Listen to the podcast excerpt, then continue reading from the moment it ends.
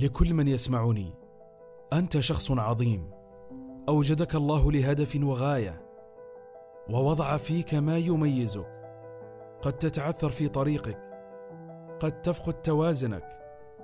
وقد تحزن وتنطفئ روحك. لكنك لست بعاجز أو أقل من غيرك. لا تلتفت لكل ما يحبطك. أنت وحدك من يستطيع أن يفجر طاقاتك. أنت من تصنع سعادتك وتغير حياتك. تأمل نفسك واعرف قيمتك جيدا.